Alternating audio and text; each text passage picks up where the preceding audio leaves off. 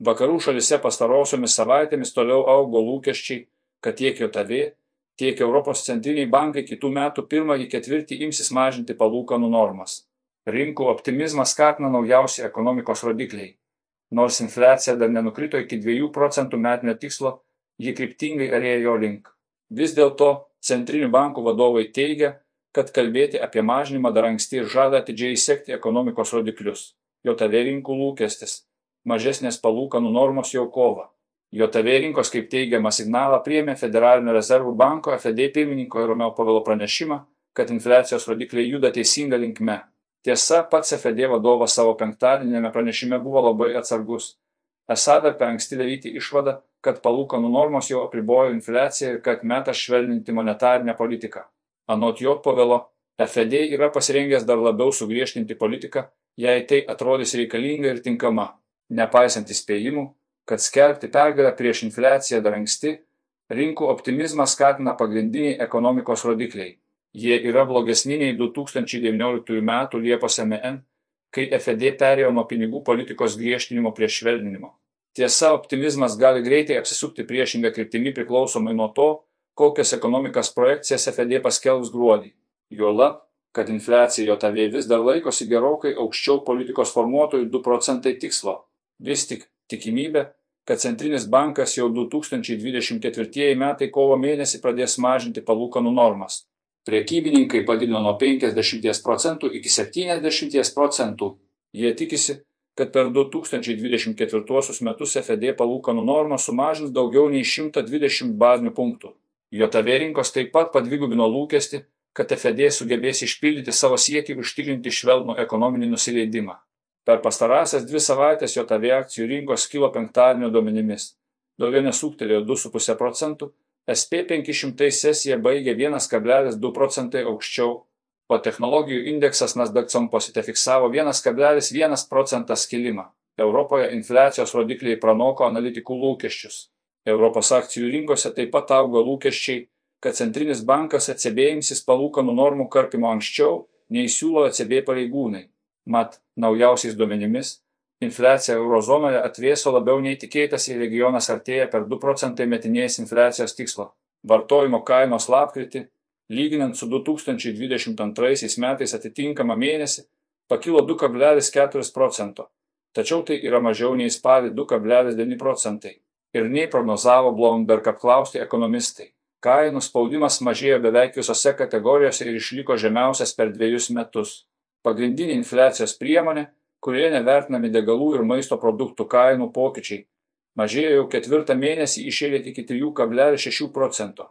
Apskritai, visoje 20 valstybių zonoje infliacijos rodikliai yra geresni, nei prognozavo analitikai. Tiesa, BVP taip pat menksta trečiąjį ketvirtį bendrasis vidaus produktas susitraukė 0,1 procento. Taigi, regionas atsidūrė ant ekonominio nuosmukio slengščio. ECB narys ir Prancūzijos centrinio banko vadovas Francois Villero Ide Egelho teigia, kad infliacijos mažėjimas vyksta greičiau nei prognozuota. Todėl, jeigu nebus didelių sukretimų, palūkanų normos didėti neturėtų. Prancūzo nuomonė, klausimas dėl palūkanų normų mažinimo gali iškilti 2024 metais bet ne dabar. Investuotojai tikisi, kad pirmieji palūkanų normų mažinimai gali prasidėti jau kitų metų kovą. Paskutinėmis savaitėmis indeksų rezultatai tokie. Europos toks 600 akcijų indeksas penktadienio prekybą dviejų savaičių perspektyvoje baigė 3 procentai aukščiau. Vokietijos DX indeksas laikotarpį baigė beveik 5 procentai aukščiau, Junktinės karalystės FTSE 100 indeksas pakilo 0,8 procentai, o Baltijos šalių MX Baltis Benchmark Dviejų savaičių prekyba baigė 0,9 procentai žemiau. Dideli lūkesčiai obligacijų rinkai. Obligacijų rinkose neseniai smūkė išdo pajamingumai panaikino 2023 metais Bloomberg JTV išdo indekso nuostolius. Dauguma Volstryto strategų prognozuoja, kad ši tendencija išliks ir ateityje mažėjant infliacijai ir vėstant darbo rinkai. Kiti metai bus obligacijų metai, sakė Goldman Sachs investicijų vadovas Asgišės Gaha matysime vis statesnę pajamingumo kreivę, nes skolinimasis auks. Jam antrina ir Morgan, kurie geriausias galimybės mato trumpesnio termino obligacijose. JOTV investicinių bendrovių instituto gruodžio 7 dieną skeltais duomenimis. Bendras pinigų rinkos fondų turtas per savaitę padidėjo dar 61,65 milijardus JAV dolerių iki 5,90 trilijonų JAV dolerių. Dviejų metų obligacijų pajamingumas per paskutinės dvi savaitės nukrito 13 bazinių punktų ir siekė 4,71 procento. Dešimties metų obligacijų pajamingumas nukrito dar 16 bazinių punktų iki 4,23 procento. Pajamingumo kreivė matuojama atotrukiu tarp 2 ir 10 metų pajamingumo išlieka persta. Inversija siekia minus 48 bazinių punktų. Azijos akcijų rinkos čiuožė žemyn. Pagrindiniai Azijos rinkų indeksai pastarąsias dvi savaitės raudonavo. Japonijos Nikkei dviejų savaičių laikotarpiu nukrito 3,4 procentai. Kinijos DLA HIPC SI 300 3,2 procentai, o Hongkongo HNG SNG net 6,7 procento. Viltis dėl Kinijos akcijų rinkos atsigavimo žlugdo menkstantis Kinijos įmonių pelnai. Apie 30 procentų MSC įkina indeks narių pranešė apie blogesnius nei tikėtasi trečiojo ketvirčio rezultatus praėjusį ketvirtį, tokių buvo 18 procentų. Morgan Stanley prognozėmis mažesnių pelnų tendencija išliks ir pirmąjį 2024 metais ketvirtį. Praėjusį antradienį Modys Investor Service sumažino Kinijos kredito reitingo perspektyvą nuo stabilios iki neigiamos. Savo sprendimą reitingo agentūra grindžia vyresnėmis perspektyvomis. Kinija pavėlavo atsidaryti po koronaviruso, jaunimo nedarbo lygis pasiekė rekordinės aukštumas, vakarų įmonė sumažino investicijas, akcijos munka, nekilnojamojo turto sektorius griūva, o vartotojų įsipareigojimų nevykdymo rodikliai sparčiai didėja. Finansirtimės skeltais duomenimis į juoduosius sąrašus įtrauktų įsiskolinusių žmonių skaičius buvo rekordiškai didelis - 8,5 milijonų. Palyginimui, 2020 metai pradžioje tokių buvo 5,7 milijono. JAV dolerio stiprėjimo perspektyva ir Švedijos krono sugrįžimas. Lapkričio mėnesį dolerio vertė menko dėl mažesnių palūkanų normų lūkesčio, o pastarosiomis savaitėmis neigiamus pokyčius lėmė palūkanų normų skirtumas.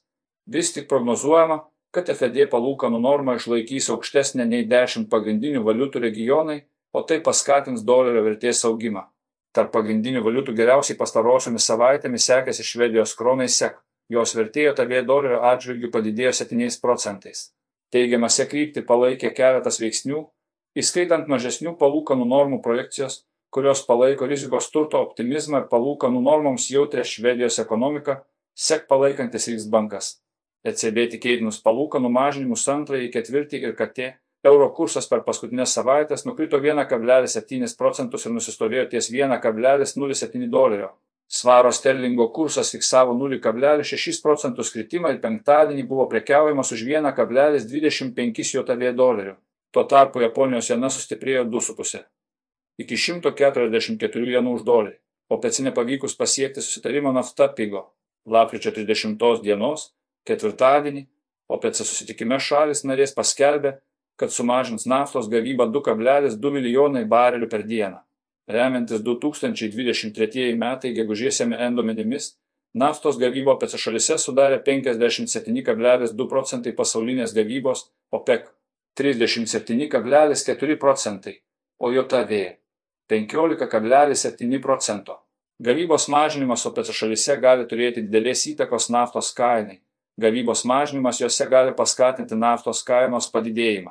Vis tik, kol kas tai naftos kainoje neatsispindi. Per pastarąsias dvi savaitės bent nafta kainavo vidutiniškai 5 procentai pigiau - po 75 JAV dolerių už barelį.